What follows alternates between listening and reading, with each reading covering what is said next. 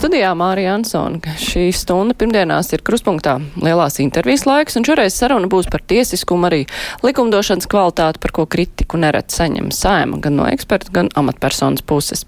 Kruspunktā studijā šodien ir saimas deputāte, kur minēta arī kā iespējamā kandidāte drīzumā vakantajam satversmes tiesas tiesneša amatam saimas priekšsēdētāja biedra Ines Lībiņa Egnere. Labdien! Labdien! À, ja mēs runājam par šo te vakanto satversmes tiesas priekšsēdētāju amatu, drīzumā vakanto.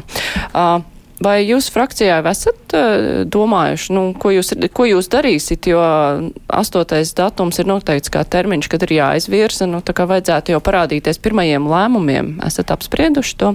Pirmkārt, vakants ir satversmes tiesas tiesneša amats, un priekšētāji tad jau paši tiesneši ievēl no savas, savu vidus. Es uh, esmu atzinusi, tik līdz informācija bija publiski parādīsies, ka es varētu kandidēt, jā, ka tik tiešām uh, man ir uzrunājuši nevis politiķi, bet Um, ļoti manā ieskatā sabiedrībā ļoti atzīti juristi. Man tas bija ļoti ilgs pārdomu brīdis, un es uh, saprotu, ka jā, visu šo laiku politikā es esmu dzīvojis, varētu teikt, tās divas dzīves, profesionālo jurista dzīvi un arī cenu politiķa dzīvi. Bet uh, atzīstu, ka jā, es esmu gatava un es arī gribētu kandidēt šim amatam. Es frakciju par to esmu informējusi. Uh, frakcija to zina. Frakcija, uh, es teiktu, mani atbalsta. Līdz ar to. Uh, vai uh, mana kandidatūra tiks iesniegta vai nē, vairāk ir atkarīga no mūsu sadarbības partneriem koalīcijā. Jo, manuprāt, uh, nu, jākandidē ir tad, ja tik tiešām uh, saimnes atbalsts ir, ir, ir, ir konkrētiem kandidātam. Ja citam kandidātam ir atbalsts un man nē, tad, protams, ka ir jākandidē citam. Bet, kad, kad ir paredzēts kādas sarunas ar koalīcijas partneriem? Um, šis ir diezgan sarežģīts laiks, jo sarunas ir par ļoti daudzām tēmām. Un man negribētos tās savstarpēji jaukt, uh, jo šis nav jautājums par politiku. Šis ir jautājums par profesionāliem kritērijiem, par, par atbilstību, kandidātu atbilstību, atrodot labāko kandidātu. Līdz ar to, manuprāt, līdz 8. oktobrim tāds laiks būtu jāatrod. Šobrīd uh, tajā darba kārtībā visu laiku ir citi jautājumi, un, kā jūs teicat, es negribētu, ka šis jautājums kļūtu par tirgus objektu. Bet, uh, kā jums šķiet, vai te ir jābūt kā, koalīcijas kopīgai vienošanās, vai arī var vienoties? Koalīcija, opozīcija kaut kā jaukti? Es domāju, ka ideālā variantā tam būtu jābūt pietiekami lielam saimnes atbalstam, jo satversmes tiesas tiesnesis ir vienīgais no tiesas varas, kuram ir nu, tāds ļoti būtisks uh, balsu skaits nepieciešams. Tās ir 51 balss. Un, uh, tas arī nozīmē, ka vajadzētu būt tam konsensusam lielākam, ne tikai, tikai koalīcijai. Un līdz šim arī visi satversmes tiesas tiesneši, vismaz tajos pēdējos gados, ir bijuši ievēlēti ar krietni lielu balsu pārsvaru. Es domāju, ka šoreiz arī vajadzētu tādu kandidātu atrast. Vai varētu iztikt bez kāda koalīcijas, bez kādu koalīcijas deputātu balsīm, bet ar opozīcijas atbalstu? Tas ir saimas uh, balsojums, saimas kandidāts, un es domāju, ka nevajadzētu tā teikt, ka opozīcijas vai koalīcijas balss ir svarīgāks viena par otru šajā gadījumā. Visu deputātu. Es, es, es esmu gatava runāt ar pilnībā visiem deputātiem un, un, un skaidrot to redzējumu, kāpēc es redzu, ka es esmu piemērota kandidāta, neskatoties, vai tā būtu pozīcija vai opozīcija. Bet, ja mēs paraugāmies uz lietām, kas pēdējā laikā nonākas atversmes tiesā, um, ko tas stāsta par saimas darba kvalitāti? Jo nu, tie lēmumi, turklāt, ir eh, pēdējā laika lēmumi ir bijuši arī ļoti naudu ietilpīgi, un mēs vēl nezinām, kāda lēmuma tiks pieņemti nākotnē, piemēram, par ārstu algām. Nu, nu, kā tas raksturotu saimas darba kvalitāti? Es teiktu, paraugoties nu, tādos laika nogriežņos, eh, kā satversmes tiesas judikatūra ir attīstījusies, mēs skaidri redzam, ka satversmes tiesa ir iegūst savu autoritāti sabiedrības acīs, un satversmes tiesas gan atpazīstamību, gan arī personām zināšanas par to, ko satversmes tiesa dara, noteikti arī dod šo iespēju, ka arvien vairāk pieteikumu tiek iesniegts satversmes tiesā, un arvien vairāk arī cilvēku ar juridisko izglītību ir kvalificēti, lai šādus pieteikumus sagatavotu. Es pati savas profesionālās karjeras sākumā biju satversmes tiesas tiesneša palīgs, un es atceros tos laikus, kad tiešām katrs satversmes tiesas pieteikums bija liels svētki tiesā, jo varēja tik tiešām padziļināt pētīt šo jautājumu. Šobrīd jau uh, tiesa ir ļoti, ļoti noslogota, un es, es, es tiešām tajā saredzētu uh, satversmes tiesas nopelnu labā nozīmē vairāk nekā to, ka saima būtu sākusi sliktāk strādāt. Jo, jo tik tiešām izpratne par vērtībām, izpratne par savām tiesībām, par cilvēktiesībām mums jau kā tādai nobriedušai demokrātijai šobrīd ir gan augstā līmenī, un katrs zina, ja es nevaru savu taisnību panākt, kur citur, es eju uz satversmes tiesu, un tas ir ļoti labi. Bet eh, nu, tie, tieši tie pēdējie nu, šā gada lēmumi ir eh, bijuši tādi, pie kuriem nu, vismaz man ir radies priekšstats, ka nu, neviens īsti nav ķēries klāt, nu, kas skar naudu, jo vienmēr mēs sakam, nu, budžetā naudas ir tik, cik ir, mēs varam atļauties eh, pabalstus tādus un tādus, un nu, viss, nu, naudas nav, un parasti neviens tam neķerās klāt, īpaši no tāda tiesību viedokļa, bet tagad satversmes tiesa arī šādiem jautājumiem ķeras klāt. Jā, un, un tiešām liels paldies uh, tiesības sargam un viņa komandai komandai par to, ka šis uh, sarežģītais izpētes darbs bija veikts, ka ilgstošā laika periodā analizējot šos arī naudietilpīgos, bet tomēr pēc būtības tādus cilvēktiesību jautājumus par cilvēku cieņu un kā valsts ar, ar uh, saviem materiāliem resursiem atbalsta tos cilvēkus, kas ir nelaimē uz to brīdi, kamēr viņiem nauda ir vajadzīga, vai valsts pietiekami um, regulāri pārskata pabalstu apjomus, vai tas ir samērots ar valsts iespējām. Um, jā, no šāda skatu punkta jāatzīst, tik tiešām no valsts varas puses ilgāku laiku nekas nebija darīts. Tiesības sargs to norādīja, un satversmes tiesa atzina, ka šie konkrētie, šie konkrētie normatīvi akti ir, jā, ir, ir jāatzīst par satversmē ne, neatbilstošiem. Līdz ar to te ir tāda nu, gan ilgstoša šo sociālo jautājumu varbūt nepārskatīšana, gan paša tiesības sarga iniciatīva, kas rezultēsies, manuprāt, visai sabiedrībai ļoti labos satversmes tiesas spriedumos. Un, un, un tas vispār nešaubīgi, ka šajās, šajā budžetā tā ir arī viena no prioritātēm. Satversmes tiesas spriedumi tiks izpildīti pilnā apmērā, un, un mēs sagaidot tagad saimā jauno budžetu, tad arī gribam redzēt šo piedāvājumu, kādā veidā mēs šo satversmes tiesas spriedumus pildam. Bet satversmes tiesa runāja ne tikai par naudu, bet arī par principiem, pēc kādiem nosaka šo pabalstu apmēru. Kāds iespējas jums ir radies vai uh, izpildu vara, pildot šos spriedumus, uh, domā plašāk, ne tikai par to, lai pieliktu pabalstam kaut ko klāt, bet arī, lai būtu skaidri principi, kā mēs to rēķinam. Tas darbs notiek? Uh, šis darbs atbildīgajās ministrijās tik tiešām notiek, bet gala lēmums. Uh, apspriežot budžetu, būs arī saimē vēlreiz šo diskusiju uzklausot un, un pārliecinoties, ka jā, tik tiešām visi šie satversmes tiesas spriedumā iegudētie principi ir ņemti vērā arī jaunajā aprēķinā. Un, un, un tad mēs saimnes komisijās to varēsim vērtēt vistuvākajā laikā.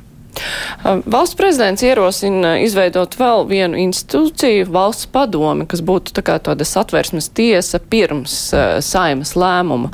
Vai tas būtu liederīgi? Jo saima ir neatkarīga institūcija, saima var to neņemt vērā. Jā, protams, un, un, un, un šīs diskusijas nav jaunas par valsts padomi.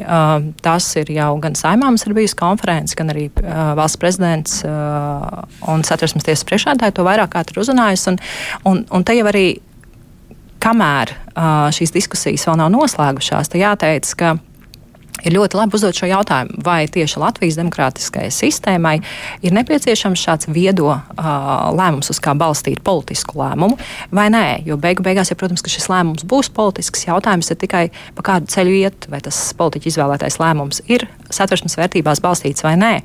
Un um, te man jāteic, es arī nevaru sevi nodalīt kā juristu, un, un es, es tiešām. Uh, ļoti novērtēju to, ja politiskos lēmumus var balstīt ekspertīzē. Un, diemžēl tā nevienmēr ir, ka mums politisku lēmumu pieņemot saimā ir šī pietiekamā ekspertīze, uh, uz kuras balstīties. Tāpēc saimā vēl tāds vienots viedoklis nav izkristalizējies. Es noteikti būtu par. Bet eh, kā prasīt, eh, piemēram, saimnes deputātiem atbildību par eh, saviem lēmumiem, nu, arī, ja tie ir nesuši kādam zaudējumus, jo tagad Rīgas domē, nu pat bija gadījums, kad pagaida administrācija prasa atlīdzināt zaudējumus deputātiem, kuri ir pieņēmuši konkrēto lēmumu. Šajā gadījumā tas bija par kazino kādā viesnīcā. Nu, tur domē radās zaudējumi, viņi prasa maksājiet. Vai nu, tāds princips būtu iedarbināms? Um, no pašiem tādiem nu, parlamentārismu principiem atvasinot šāds princips. Um, īsti nebūtu, nebūtu piemērojams, jo, protams, ka um, deputāti šo lēmumu nepieņem kaut kādās vienās interesēs. Viņiem ir jāuzklausa dažādu, dažādu informāciju, un gal galā šī politiskā izšķiršanās varbūt arī balstīta vērtībās. Un, un man tagad negribētos analizēt to vienu konkrēto jautājumu par azartspēlēm, bet es arī ļoti labi saprotu, ka deputāts balsojot pret, varbūt mazāk iedziļinās šajos ekonomiskajos apsvērumos, bet iespējams pārstāv vērtības par to, ka azartspēles savukārt var nodarīt sociālu ļaunumu. Un tagad tiesai izvērtēt šī deputāta konkrēto balsi tajā brīdī no tikai un vienīgi no tādiem ekonomiskiem rādītājiem, pēc civil likuma izpratnē, vai tas ir vai tas nav nodarījis zaudējumus, manuprāt, ļoti kaitētu demokrātijai. Tā kā man šķistu, ka, man, protams, ir tāda arī akadēmiska interese par to, kā šī lieta attīstīsies, bet man šķistu, ka uh, vienā demokrātiskajā valstī uh, ar tiesu uh, risināt politiskus lēmumus, ja vien tie nav individuāli lēmumi par kādas amatpersonas. Uh, Atlaišana, kā mēs zinām, arī tāda saimnes lēmuma var tikt vērtēta tiesai, tiesā, bet uh, tik tiešām jau lēmumi, kuri um, pēc būtības varbūt dažādi vērtējumi nebūtu pareizi, bet Īstenībā mēs arī tādus administratīvos aktus nepieņemam, kā to dara uh, pašvaldības. Pašvaldības tik tiešām var pieņemt arī kolēģiālu administratīvu aktu. Saimā tas ir daudz retāks gadījums. Mēs pieņemam vispārējus regulējumus uh, likuma formā, lēmuma formā, un tur tas viens konkrētais adresāts nemaz tā īsti nav nolasāms. Bet vai pēc būtības ir pieņemams politisks lēmums, kurš neatbilst likumam? Jautājumā par ārstu algām jau arī saima pieņēma lēmumu. No vienas puses, nu, tas ir arī politisks lēmums balsojumā par budžetam, bet ārstiem algas netika pieliktas likumā noteiktajā kārtībā. Um, šim lēmumam ir, varētu teikt, tā divi līmeņi. Um, katram politiskam lēmumam ir jābūt likumīgam un tiesiskam. Tas ir pats par sevi saprotams. Un, un, uh, katra politiskā lēmuma tiesiskumu tad arī var pārbaudīt vai nu vispārējās jurisdikcijas tiesa vai arī uh, satversmes tiesa. Konkrētajā gadījumā par budžetu um, jautājums ir sarežģīts tādējādi, ka arī budžets ir likums. Un te ir, ja tā varētu teikt, viena likuma pretruna ar otru likumu, jo abi ir likumi.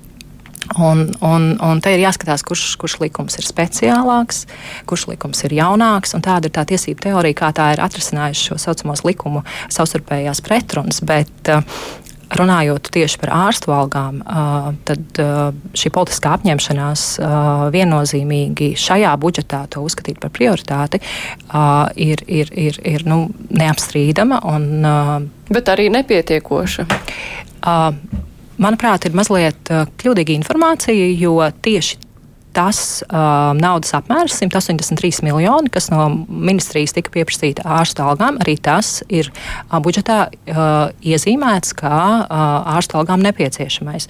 Tā kā par to vispār nav strīda. Tik cik ministrija aprēķināja, tik arī uh, ministra kabinets kolēģiāli ir, ir šobrīd to iezīmējis. Uh, budžets vēl nav nonācis saimā, līdz ar to es nevaru pateikt, kāds būs gala cipars, bet um, tik tiešām šī nauda tāda arī ir apstiprināta. Tas, ka ja vēlāk ir kādas citas vajadzības papildus ārstu algām, kuras ministrijai ir nepieciešams, tad, protams, tām ir arī dzen, uh, jābūt apstiprinātām tieši tādā pašā procesā, nevis savukārt no ārstu algām kaut kā pa, pa mazam gabaliņam uh, kaut ko jāsāk griezt nost.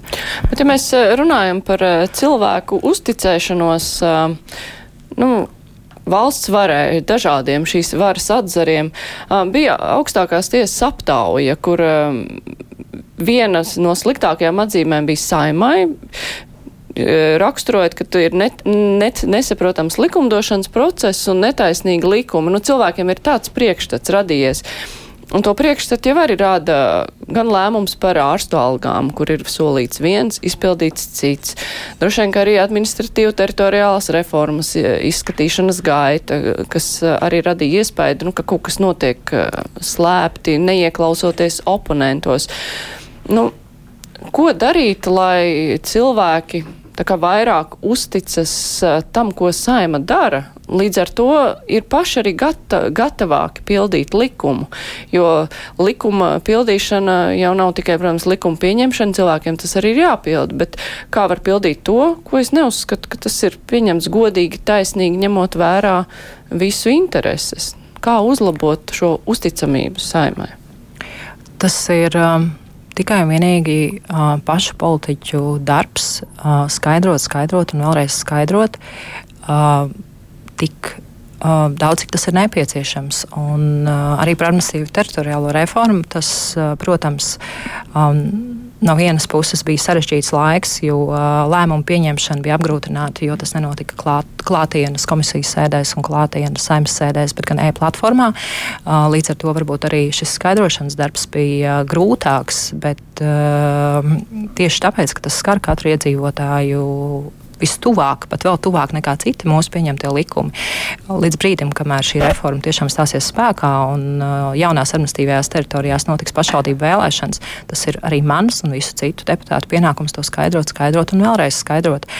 Un, uh, katra nu, tāda kļūda skaidrojumā, varbūt pat ne kļūda, bet nepietiekams skaidrojums rada aizdomas, un šīs aizdomas pāraug neusticībā. Un, ja mēs arī šo pašu aptauju, ko jūs minējāt, arī skatām, tad tur arī pēc tam rodas zināma likuma sakarība starp neusticību jau sākotnēji pieņemtajam likumam, vēlāk tiesas spriedumam, un, un, un, un līdz pat tam, ka kāds varētu gribēt apšaubīt, vai mēs esam tiesiska valsts. Bet es to tik tiešām šeit ar pilnu atbildības sajūtu sežot, gribu teikt, mēs esam tiešām tiesiska valsts. Um, jo gan tiesiskums, gan likumība, gan demokrātija ir tie pamatprincipi, kāpēc mēs vispār esam uh, neatkarīga valsts. Jautājums ir, kādas ir mūsu prasības. Mūsu prasības ir ļoti augstas un ļoti labi, ka tās pieaug un pieaug un pieaug. Un gluži vienkārši politiskiem procesam ir jāspēj tam tikt līdzi. Un, diemžēl tas nevienmēr tā notiek. Nu, droši vien, ka šī neusticība jau arī nav radusies vienā dienā. Cilvēki ikdienā saskars ar kaut, kādiem, eh, kaut kādu likumu sekām, kas ir pieņemti jau sen. Uh, viens no tādiem likumiem ir, piemēram, par dalīto īpašumu, kur uh, jā, kāds izmanto likumu, kāds uh, pelna uz citu cilvēku rēķina, visi redz, ka tas nav taisnīgi. Tajā pašā laikā uh, nu, saima, pašreizējā saima varbūt varētu labot šo situāciju, bet tas arī notiek pārāk lēni. Pie šī likuma tieši, kas ir saistīts ar, ar, ar, ar īpašumu sasaisti ar, ar zemes gabalu, um, tiek strādāts ļoti, ļoti ilgi, un arī tur ir vairākas uh, satversmes tiesas lietas un, un uh, spriedumi, ar kuriem likums ir bijis atzīts par neatbilstošu laika, ļoti ilgā laika periodā bijušanu. Tas ir ļoti, ļoti sarežģīti. Un varbūt arī tieši tāpēc saimai baidoties vēlreiz nonākt situācijā, ka šis jaunais regulējums varētu tikt apstrīdēts, uh, risinājums nāk ļoti, ļoti lēni, jo gribas to izdarīt ļoti, ļoti pamatīgi, visu apsvērt. Um, Bet uh, to mēs šī konkrētā saima esam apņēmušies, tāpat kā arī iepriekšējā ceturtdienā, otrajā lasījumā bija dzīvojam, jaunais dzīvojamās telpu īres likums, kas arī ir nācis ļoti, ļoti lēni, ļoti smagās diskusijās. Mēs esam tikuši tikai līdz otrajam lasījumam. Un, piemēram, tāda problēma kā denacionalizēto māju īrnieki, viņu tiesiskā situācija, iespējamās kompensācijas tiem, kuri vēl šādos apstākļos, tiesiskajos apstākļos um, dzīvo, tas ir nācis ļoti, ļoti ilgi. Tas ir arī kaut kā tāds zināms politiskais mantojums. Un arī šo šī saima ir apņēmusies atrisināt, bet tas ir jāatrisina. Nevis tikai tāpēc, lai to atrisinātu, bet lapēt, arī tad, ja tas nonāktu satversmes tiesā, lai šis risinājums tiktu atzīts par um, atbilstošu gan no procedūras viedokļa, gan arī, arī saturiski, ka tas ir tik tiešām samērīgi um, gan izīrētājiem, kurš nenodarbojas ar labdarību, jo mēs to atklāti arī varam teikt, katrs izīrētājs vēlas nopelnīt, bet arī sociāli atbildīgs no, no tā, kā valsts izturas pret saviem īrniekiem, cik īrnieks ir aizsargāts. Un tas ir ļoti, ļoti sarežģīti šo balansu atrast. Un katra saimnes komisija, kur pie šādas sarežģīta likuma strādā, un tie deputāti, kas šajā komisijā strādā, es varu teikt, tiešām to dara nu, ar, labāko, ar labākajiem nodomiem. Bet uh, šīs lietas ļoti sarežģītas. Kā jau jūs minējāt, ja viņas ilgst uh, pietiekami ilgu laiku, desmitiem gadu, tad arī šis juridiskais risinājums nav vienkāršs. Bet uh, nu, vai tā ir, ka ir kaut kādas lietas, kuras nu, vienkārši nav iespējams pilnvērtīgi atrisināt, ko tev, ja mēs runājam par šo dalīto īpašumu, nu, ko tev tikai tāpēc, ka mēs nevaram aiziet tik tālu pagātnē un, piemēram, atrisināt, kāpēc vispār šīs zemes ir nonākušas kādu citu privātu personu vai juridisko personu rokās, jo tīri pēc būtības tā tam nevajadzēja vispār notikt, bet vai, nu, kaut kādu taisnību meklēt tik tālu pagātnē vispār ir iespējams, vai mums ir jāsamierinās ar situāciju, nu, kāda tā ir, tāda ir.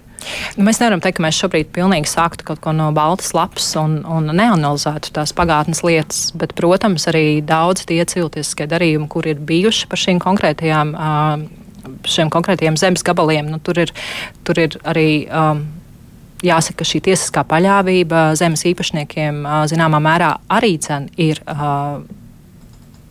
ļoti svarīgi to uh, aizsargāt.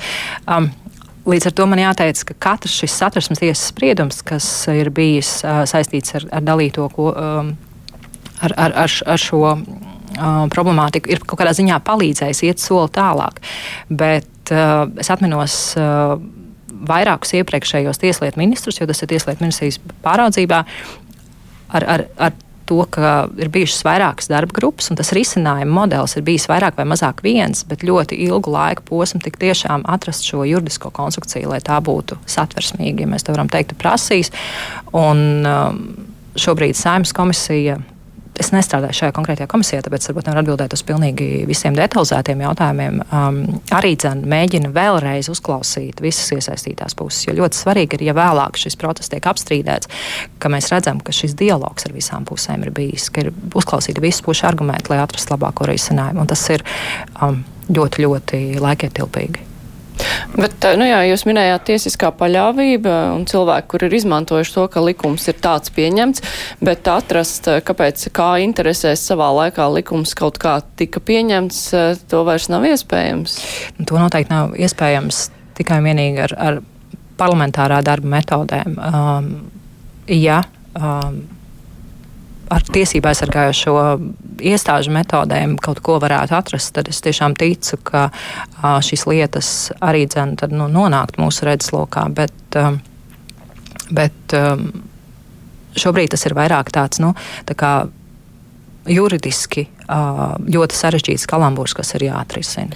Nu jā, jautājums par zemēm, tas ir jau ļoti sens, tas iestiepjas 90. gados, tad, kad zemes tika dotas atpakaļ, bet Um, OIK ir otrs, otra lieta, kur arī atsaucās uz tiesisko paļāvību, ka nevar pieteikt pieņemt sasteigtus lēmumus, jo kas valstī var dārgi maksāt.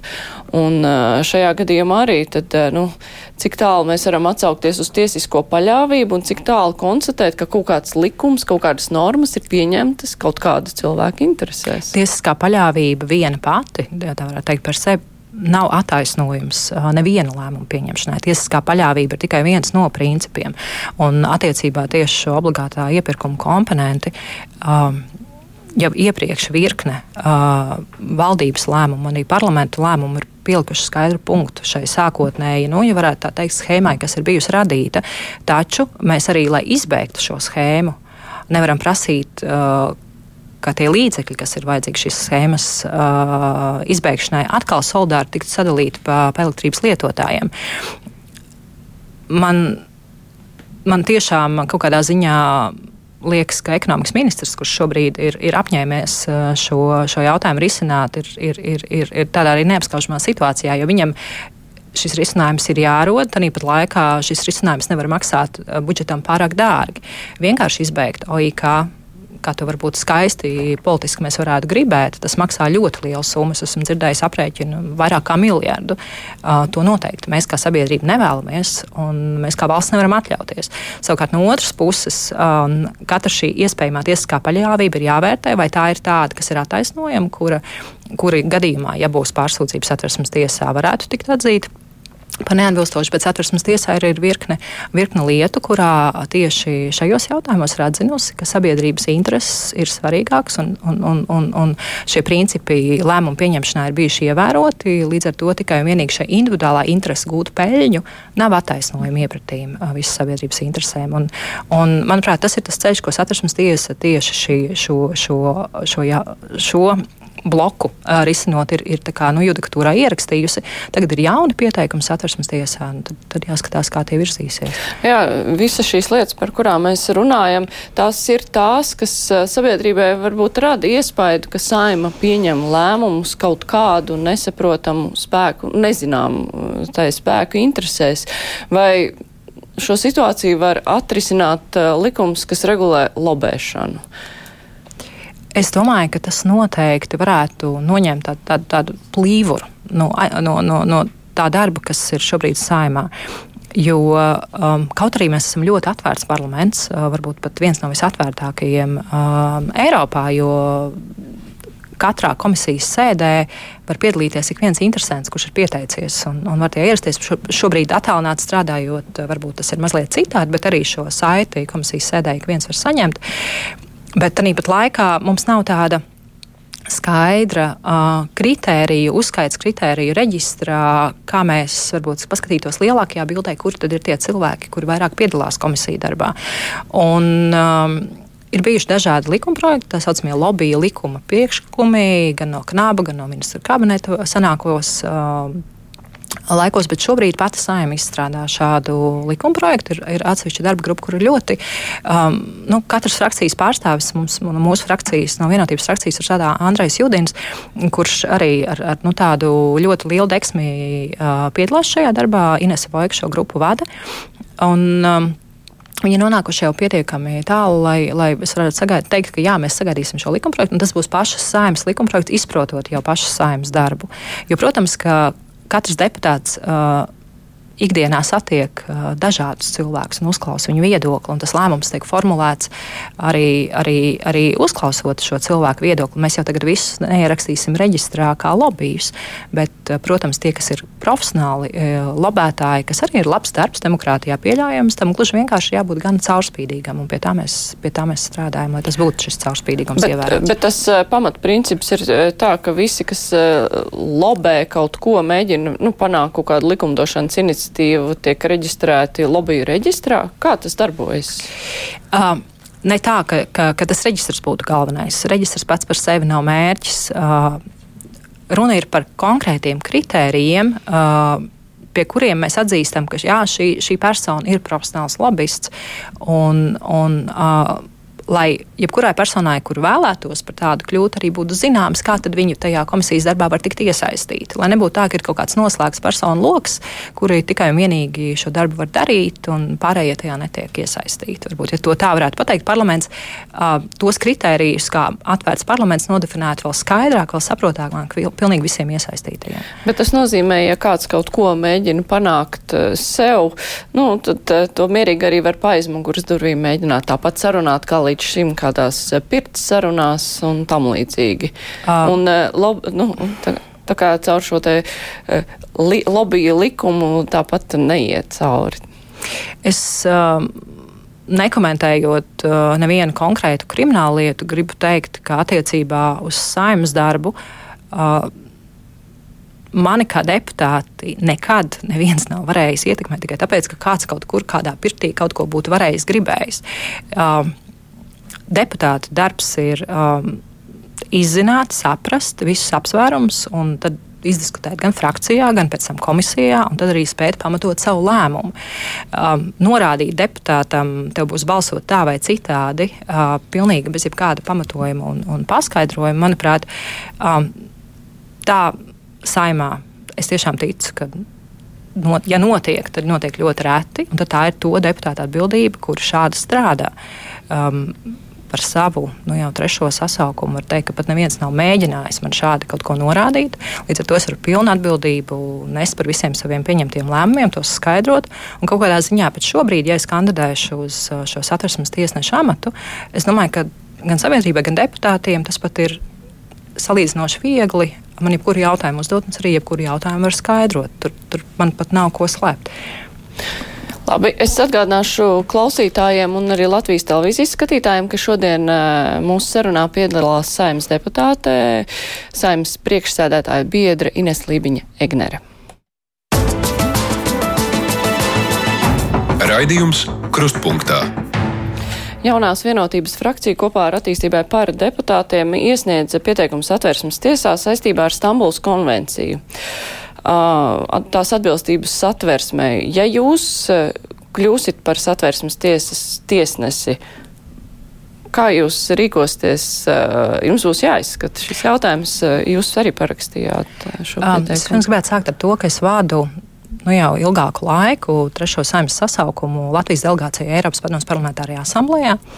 Katrā darba sesijā um, es uh, esmu spiesta taisnoties par to, kāpēc Latvija nepievienojas šim ļoti nozīmīgajam starptautiskajam dokumentam, ko Eiropas Padome ir izstrādājusi tieši lai aizsargātu ģimenes, jo tā konvencijas pilnā, konvencijas pilnais nosaukums ir par darbību pret sievietēm un ģimeni.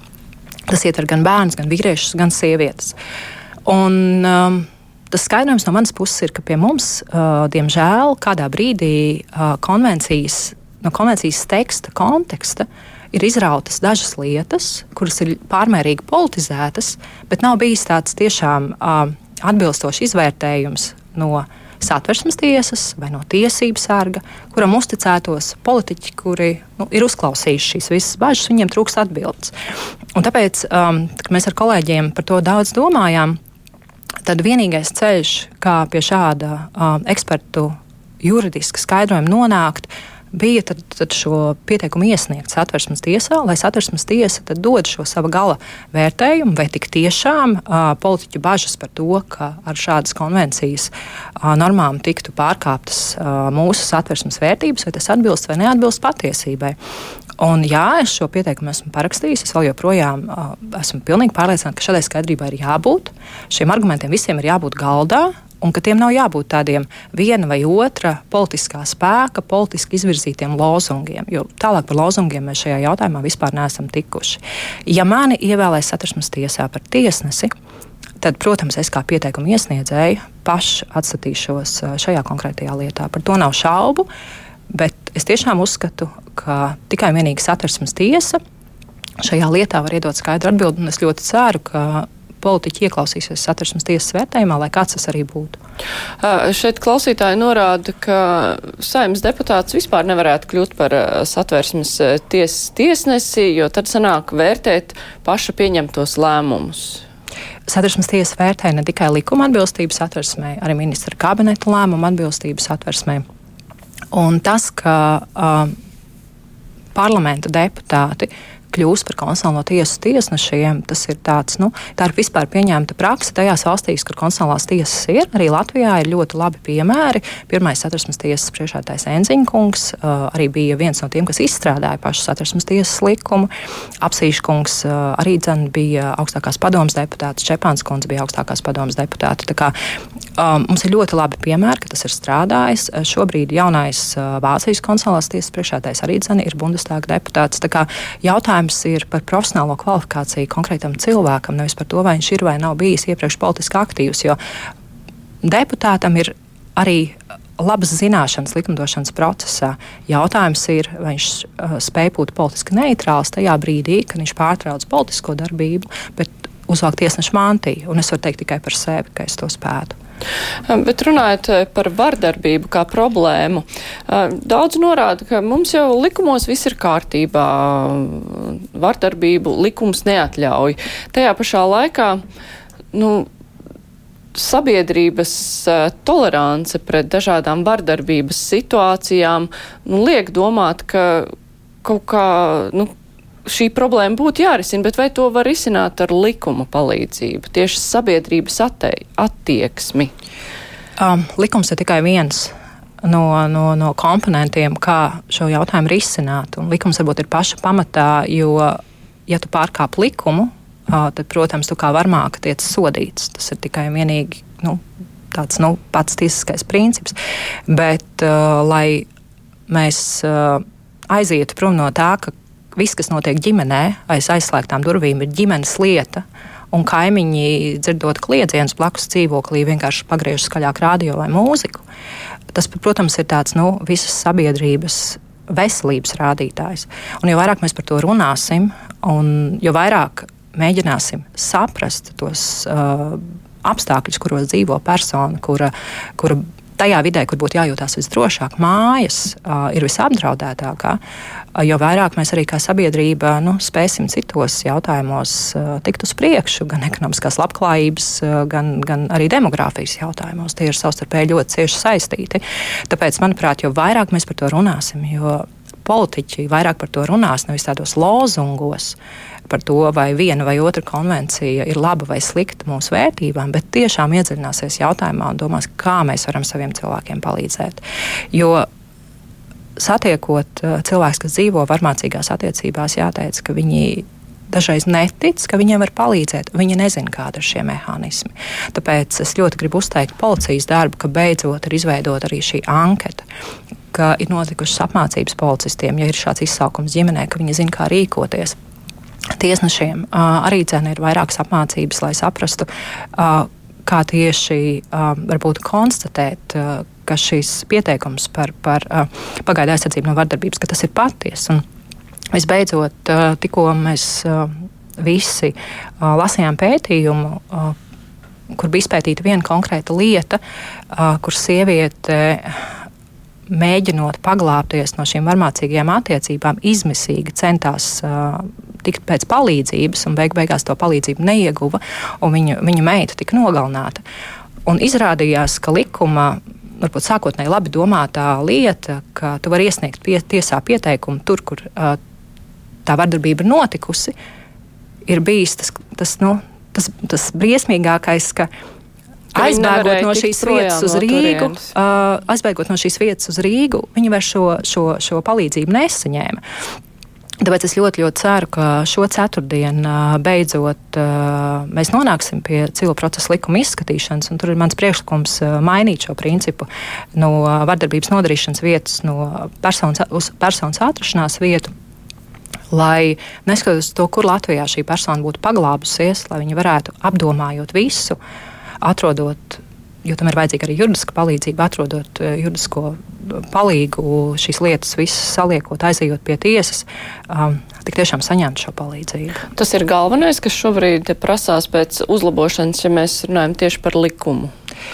Ja runātu tieši par šo procedūru, kā varmāku nošķira no ģimenes, es gribētu teikt, jā, ka tur mēs esam varbūt pat no likuma viedokļa diezgan labi sakārtojuši, izņemot šo vienu lietu, par kuru tik tiešām iepriekš uh, nebija, nebija izpratnes par to, ka tā ir problēma. Um, bet mums ir ļoti daudz praktisku uh, un, un tādu varbūt izpratnes jautājumu, pie kuriem vēl būtu jāstrādā. Uh, par to es gribu teikt, ka tas ir gan valsts līmenī, gan pašvaldību līmenī, lai cilvēks, kurš ir šādās attiecībās, uh, Un es negribu runāt tikai par sievietēm, par visiem ģimenes locekļiem, arī bērniem, lai skaidri varētu zināt, ka lūdzot palīdzību skolā, kaimiņam vai kādam citam, tas cilvēks arī zinātu, kā rīkoties. Vai arī piezinot uz policiju, nebūtu tā, ka nu, tev liktos, ka tev nepalīdzēs, labāk nemaz nezvanīt. Nu jā, tas arī ir tas izpratnes jautājums, ko cilvēki vispār saprot, kas ir vardarbība, ko ļoti spilgti parādīja arī Bruknes gadījums un diskusijas par to, ka cilvēku priekšstat par to, kas vispār ir vardarbība un kurš ir vainīgais, ļoti atšķirās. Jā, un kaut kādā ziņā varbūt labi, ka šīs uh, diskusijas ir Un uh, cilvēki par to aizdomājas. Jo, ja šāda diskusija nebūtu, mēs pat nedie, neiedomātos, ka ir cilvēki, kur tādu klaju vardarbību mēģina attaisnot ar, ar, ar, ar izglītojošiem mērķiem. Man tas, man tas pat prātā nebūtu ienācis, ka Latvijas sabiedrībā ir tik liela daļa līdzpilsoņu, kuri tā domā. Un jo vairāk mēs par to domāsim, varbūt arī skaļāk šīs lietas sauksim, es ļoti ticu, ka tajā dialogā arī ar to otru pusi. Viņa dzirdēs tos argumentus, kā jūtas tas, tas, tas, tas bērns vai tas pusaudzis vai tas jaunais pieaugušais, kurš tiek uh, zemiski pazemots. Um, un ka arī viņa gods, cieņa un vajadzības ir tikpat vērtīgas kā tas, ka mēs gribam viņam palīdzēt, uh, atmest kādu no atkarībām. Un ir kaut kādas lietas, kur, kur, kur, kur gluži vienkārši. Um, vidusceļa nav. Mums ir jānostājas vienā vai otrā pusē. Un, un šis bruknes gadījums um, gluži vienkārši parādīja, ka mēs par to neesam vēl daudz, uh, ka mēs neesam par to pietiekami daudz runājuši un domājuši, ka sabiedrība kopumā, un tas nav tikai politiķu lauciņā, tā kāds akmens, ka um, mums ir nepieciešami jauni likumi. Nē, mums gluži vienkārši jāsaprot, ka bērnu audzināšana uh, tā nav tāda lieta, kur mēs varam atdot jebkuram. Tur ir jābūt stingrai valsts vai pašvaldību kontrolē. Ja, val, ja valstī ir bērnu, bērnu aizsardzības Bērnu tiesību aizsardzības inspekcija, tad tā ir arī jādara viss, lai tās akreditētās izglītības iestādes um, tik tiešām visu darītu bērnu interesēs. Un, ja tas tā nav, tad mums kā sabiedrībai ir jādara viss, lai šādas izglītības iestādes nevarētu pastāvēt. Un, uh, savukārt, vai tā būtu reliģiska organizācija, vai tā būtu labdarības organizācija, tas viss ir ļoti labi. Bet arī tām ir jābūt, ja vien runa ir par, par sabiedrības neaizsargātām personām, arī tām ir jābūt uzraug, uzraudzītām. Viena lieta, par ko saimai būs agri vai jā, vēlu jālēmj, būs par uh, patvērumu meklētāju uzņemšanu. Un uh, šobrīd uh, diskusija ir uh, arī par to, ka jā, varētu dalībvalsts uzņemties šo solidāro atbildību par patvērumu meklētājiem, respektīvi kāds ņem pie sevis fiziskus cilvēkus.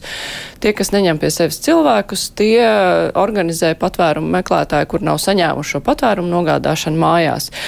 Arguments, kas izskan gan arī no Lietuvas puses un arī no Latvijas, ka mēs tagad esam, mēs uzņemamies atbildību lielā mērā arī par Baltkrievijas um, pilsoņiem, kuri bēg uh, no Baltkrievijas. Vai šo argumentu ņems vērā citas Eiropas Savienības dalībvalstis? Kā jums šķiet? Nav vēl šāda bēgļu plūsma, bet mēs nezinām, kā situācija tur attīstīsies.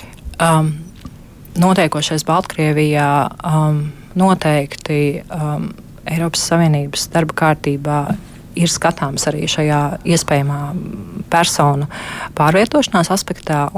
Mēs, kā Baltijas valstis, šo jautājumu esam aktualizējuši un vienmēr par to runājam. Nevienu tikai un vienīgi par to jautājumu, kā mēs varam konkrēti palīdzēt šobrīd nevalstiskajam sektoram, demokrātiski šiem aktīvistiem un, un, un Baltkrievijas tautai kopumā, bet arī dzen domāt, kā mēs kā Eiropas Savienība varam palīdzēt tiem, kuri, kuri bēg. Mēs kā Latvija izdodam šīs tā saucamās humanitārās vīzas. Tā plūsma šobrīd nav tik liela, lai mēs varētu tik tiešām teikt, ka, jā, ka tas ir kaut kāds drauds mūsu.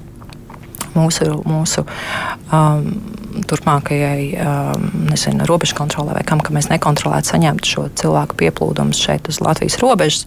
Bet par šo jautājumu ir jārunā. Tieši tas ir tas jautājums, ko tikai mēs, kā robežu valstis, varam, varam um, nest Eiropas Savienības. Eiropas Savienības darba kārtībā, bet, protams, Eiropas Savienībā ļoti svarīga ir šī solidaritāte visos jautājumos kopumā.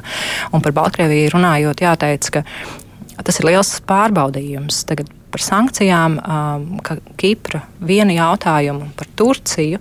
Um, varbūt klausītāji, kuri tam īsti nesako līdzi, jautājumā par uh, Baltkrievijas amatpersonu sankcionēšana, viena dalība valsts Kipra to pretnostatīja situācijai ar, ar Turciju. Un tad sanāk tā, ka mēs nevaram risināt šo šobrīd humanitāro krīzi Baltkrievijā. Tāpēc, ka viena dalībvalsts iebilst, ka netiek risināts cits jautājums. Un šādi nu, ķīlnieki ir gan viena, gan otra, un neviena no otras situācija nerisinās. Un es ļoti gribētu, lai um, Eiropas Savienība šo solidaritāti atkal nu, visos jautājumos paturētu kā pirmo. Un, ja ir, ja ir jautājums vienai, vienai valstu grupai ļoti, ļoti svarīgs, tad visi tam uzticās un to risina. Tāpat arī attiecībās ar Kipru. Un mēs kā Latvija vienmēr to esam spējuši. Un, un jautājums ir, um, kā Eiropas Savienība, kā, kā tādu vairāku vai daudzu demokrātisku valstu savienība ilgstošā laika periodā notur šo ļoti, ļoti augsto latiņu. Tas, tas ir ļoti liels izaicinājums. Bet cik lielā mērā starptautiskā sabiedrība vispār var ietekmēt kaut ko, kas notiek Baltkrievijā, Krievijā. Vēl, nu labi, Eiropas Savienība var pieņemt uh, kaut kādus lēmumus arī attiecībā uz sankcijām. Tajā pašā laikā, nu, Eiropas padomas parlamentārās asamblējas lēmums attiecībā uz Krieviju. Nu, spilgts piemērs, ka arī kara darbība svešā valstī nav iemesls, kāpēc, uh, lai nevarētu atgriezties uh, šajā institūcijā Krievija. Es um, biju klāt, vai precīzāk sakot, biju arī iniciatori vienam no tiem uh, priekšlikumiem, kas toreiz negaidīti guva pārsvaru, uh, ka Krievija vispār, ka Krievijai atņēma šīs balstiesības toreiz. Un, un, un jāteic, ka tā bija tāda nu, gudra spēle, ko mēs ar, ar, ar, ar savām nu, draudzīgajām valstīm kopīgi domājot, atradām veidu, kā, kā varbūt apspēlēt tos, kas balsoja pretēji. Bet, protams, ka laikam pāri pārējot un, un nomainoties jaunam, jauniem deputātiem parlamentārajā asamblējā, radās jauni argumenti, ka dialogs var būt tikai pie viena galda, ka Eiropas padome jau nav par politiku, ka Eiropas padome ir par cilvēktiesībām, un mums taču ir jāizstāv arī cilvēktiesību aktīvisti Krievijā. Neskatoties to, mēs redzam, ka viņiem gluži vienkārši viesnīcā pielai ūdeni Indija, un, un šobrīd Eiropas padomas parlamentārajā asamblējā es ļoti ceru, ka mēs pienācīgi izmeklēsim arī šo skandālu par, par Navaļnīku un indēšanu. Bet jā, um, nu, tāda miera dūjas politika, diemžēl, tādās parlamentārajās asamblējās bieži vien ņem virsroku. Tad mums šajos jautājumos, varbūt tādām līdzīgi domājošām valstīm, es domāju, to Baltijas valstis, Polija, Ukraina un vēl dažas, ir ļoti svarīgi visu laiku šo jautājumu uzturēt aktuāli un par to runāt. Tas nav viegli. Bet, ja šīs asamblejas nebūtu, tad mums vispār nebūtu formāta, kā par to runāt. Tā kā no vienas puses aizsērto durvis asamblējai um, kaut kādā ziņā mēs varbūt šo situāciju atvieglotu. No otras puses, jā, tas visu laiku starptautiskajai sabiedrībai ir nu, tā tāds kamuls katlā, jo, kaklā, jo uh, Krievija jau ir ļoti daudzos šajos konfliktos iesaistīta. Ar to mēs nesaprotam tikai Ukraiņu, tā ir arī Gruzija, tā ir Moldova. Jautājums arī par Krievijas iesaisti tagad jauna, jaun, no jauna uzvarmojošā konfliktā starp Armēniju un Azerbaidžānu. Visi šie konflikti Eiropas padomē ir, ir vienlīdz svarīgi. Un, un vai ir labi, ka Krievija uh, ir ar pilnīgi tādām pašām balstiesībām kā valstis, kuras uh, ievēro cilvēktiesību standartus? Es teiktu, viennozīmīgi nē. Mēs diskreditējam šo organizāciju. Vai Latvijai šajā organizācijā ir jāpiedalās par to skaļi jārunā, un pārējiem tas nu, jāatgādina, jo neviens jau to negrib izturēt. Es teiktu, jā, jo skaļāk, jo labāk. Uh, Kā... Tajā pašā laikā nu, Krievija arī ir nu, parāda, ka pat Eiropas tiesas uh, spriedumi tai varētu nebūt saistoši, jo šī iniciatīva par to, ka ja, Krievijas konstitu konstitucionālās tiesas lēmums var būt augstāks nekā Eiropas tiesas lēmums. Nu, tas vien parāda attieksmi, ka nu, pat ar šādiem tiesas spriedumiem Krievija nemaz tā nevar ietekmēt. Jā, jaunieši saucamie konstitūcijas labojumi, kas nu, primāri bija domāts, lai Putinkungam nodrošinātu jaunu termiņu prezidenta vēlēšanās pēc 2024. gada, saturēja ļoti daudz arī šādas juridiskas lietas.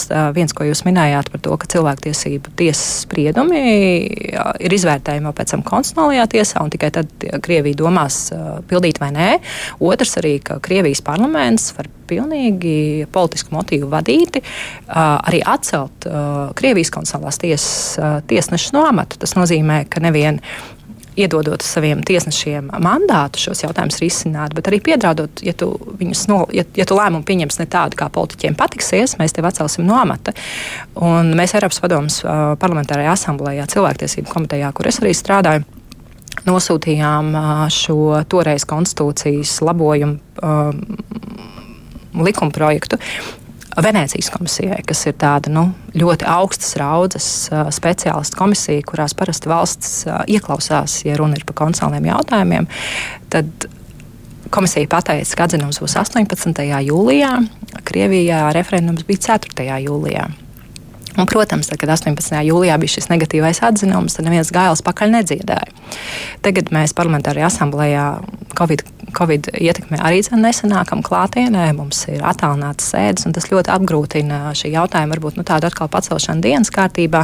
Bet es jau redzu, ka ir tādi mēģinājumi par katru jaunu vakanci Eiropas Padomus parlamentārajā asamblējā, lai kura tā arī būtu, viņu ievirzīt nu, tā ļoti gudri, ilgstošākā periodā, tā lai Krievijas jautājums tiktu nu, tā maigāk vērtēts vai, vai netik skaļi vērtēts. Un, un mums, tām mazajām valstīm nu, ar vien vairāk darba, ar vien vairāk darba par šiem jautājumiem runāt un šiem jautājumiem sekot līdzi.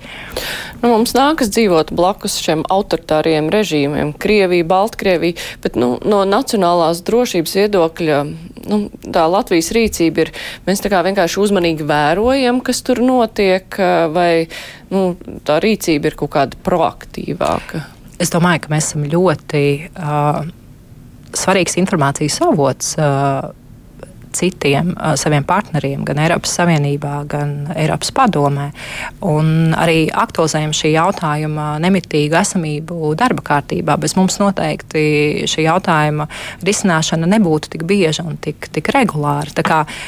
Mēs noteikti esam proaktīvi ne tikai savas drošības interesēs. Protams, mēs to pirmkārt darām savas drošības interesēs, bet arī dzēn visa reģiona drošības interesēs. Jo, nu, es domāju, neviens labāk kā mēs paši. Uh, ņemot vērā to, ko mēs esam vēsturiski pārdzīvojuši, zinām, ka Krievijas uh, politiskajai apetītei nu, gluži vienkārši nekad nebūs gana. Un, un, uh, tas, kā ģeopolitiskās intereses Krievijā tiek risinātas, tas ir ļoti sarežģīti, ļoti daudzšķaitnaini. Un mēs to varbūt redzam vai caurredzam labāk nekā mūsu partneri. Un mēs, ja mēs agrāk par to brīdinājām, mūsos neieklausījās, tad jāteic, tagad arī pēc Navaļnija kunga saindēšanas ļoti jācer, ka daudzas valstis, varbūt arī Vācija, vairāk ieklausīsies un pārdomās to, ko mēs teicām jau pirms kāda laika.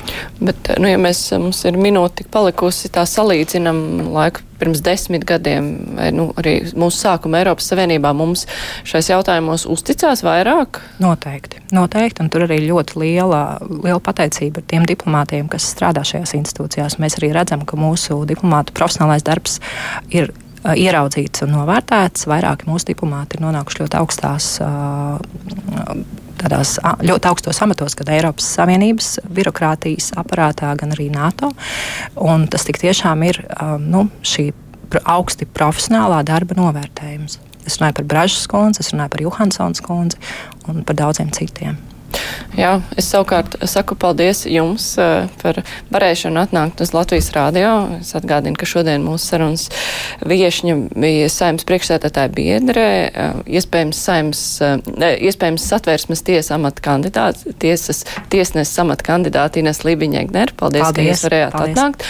Savukārt par rītdienu runājot, rīt mēs runāsim par budžetu. Valdība ir kā akceptējusi tos pamatvirzienus, kāds būs nākamā gada budžets, kam algas tiks pieliktas un cik lielā mērā, kādas ir prioritātes arī par nodokļu reformu, bet mēs savukārt aicināsim uz diskusiju sēmas deputātus, jo gal galā tie būs viņi, kuriem būs jāpieņem šis te gala lēmums. Jā, paldies, raidījums izskan, producente Tevi Junāma studijā Mārija Ansone. Visu labu!